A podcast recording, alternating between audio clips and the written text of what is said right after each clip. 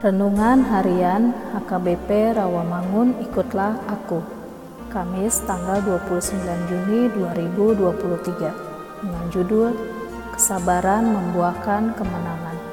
Bacaan kita pada pagi ini tertulis dalam 1 Raja-Raja pasal 17 ayat 17 hingga 24 Bacaan kita pada malam ini tertulis dalam 2 Korintus pasal 2 ayat 12 hingga 17 dan kebenaran firman Tuhan yang menjadi ayat renungan kita hari ini tertulis dalam Pengkhotbah pasal 10 ayat 4 yang berbunyi Jika amarah penguasa menimpa engkau janganlah meninggalkan tempatmu karena kesabaran mencegah kesalahan-kesalahan besar.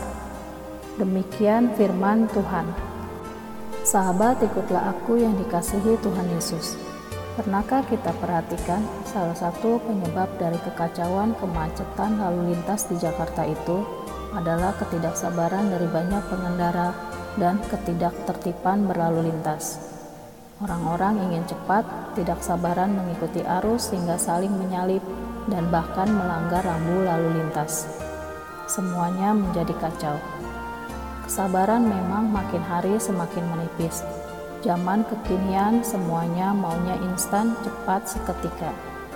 Seketika kaya, seketika pintar, seketika besar, seketika dewasa, seketika persoalan selesai dan banyak lagi yang ingin seketika terjadi instan. Firman Tuhan hari ini mengingatkan kita untuk bersabar dan belajar sabar karena kesabaran mencegah kesalahan besar. Ada kalanya kita diperhadapkan pada situasi berat dengan para penguasa atau pemimpin atau orang lain di sekitar kita.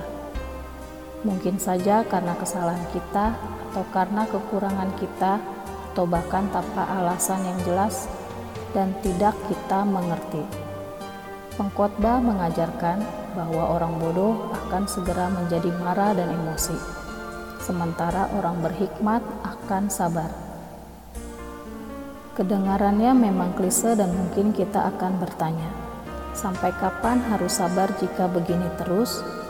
Dari kisah Ayub kita belajar bahwa sabar mendatangkan buah yang baik karena Allah memegang kendali, bahkan Allah sebenarnya sedang bekerja tanpa sepengetahuan kita. Bahkan firman Tuhan dalam kitab Yakobus mengajar kita untuk sabar tanpa bersungut-sungut, bersumpah, melainkan menunggu dengan percaya. Kesabaran merupakan buah dari Roh Kudus yang Tuhan izinkan terjadi dalam hidup orang percaya untuk mendatangkan kebaikan-kebaikan bagi orang percaya itu sendiri. Amin. Marilah kita berdoa. Ya Tuhan, Allah Maha Pemurah, ajarlah kami senantiasa berhikmat dan bijaksana, sehingga kami menjadi pribadi yang bersabar. Amin.